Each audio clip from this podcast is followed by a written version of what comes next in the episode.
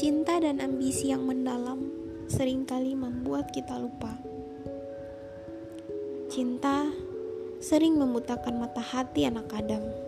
Akhirnya, seorang wanita atau lelaki yang ditinggal atau dikecewakan oleh pasangannya akan rela menunggu sampai tua. Mereka berkeyakinan bahwa cintanya adalah cinta sejati. Bahkan ada yang berkeyakinan kalau orang itu adalah jodoh yang telah Allah takdirkan untuknya. Padahal itu cuma didasarkan pada keyakinan sendiri saja. Salah bila kau kira dia jodohmu.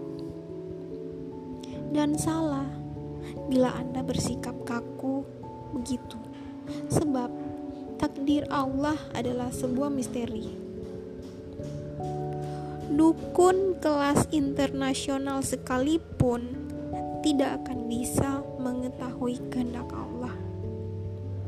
Setan-setan hanya mencuri berita saat malaikat bercakap-cakap tentang perintah Allah.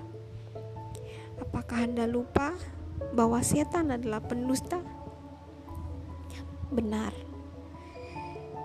Benar sekali jika Anda ingin memiliki prinsip, dan benar sekali jika Anda ingin menjadi orang yang kokoh dengan pendirian. Akan tetapi, Anda harus bisa melihat kapan prinsip itu dipakai, dan kapan Anda harus melunak dari prinsip itu. Ada kalanya prinsip Anda harus dikaji ulang.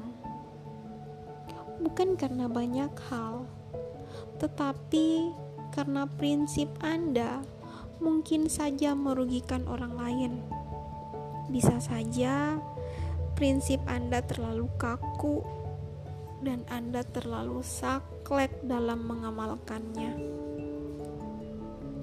Beberapa orang yang menderita karena prinsip cintanya yang buta berapa banyak orang yang menderita karena prinsip cintanya yang buta tak terhitung lagi.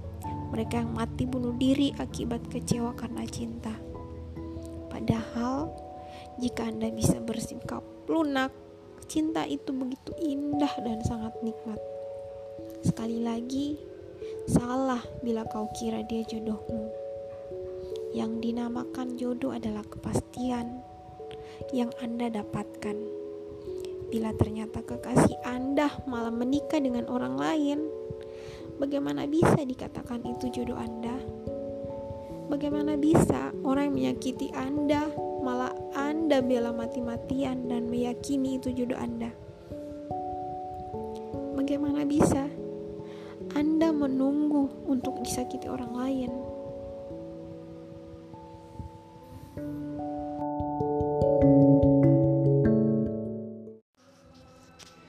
Cinta dan keinginan adalah dua hal yang tidak bisa dipisahkan. Anak Adam pasti merasakan yang namanya cinta. Lalu, keinginan untuk dikasihi, dicintai dengan tulus, karena itulah mereka ingin menikah.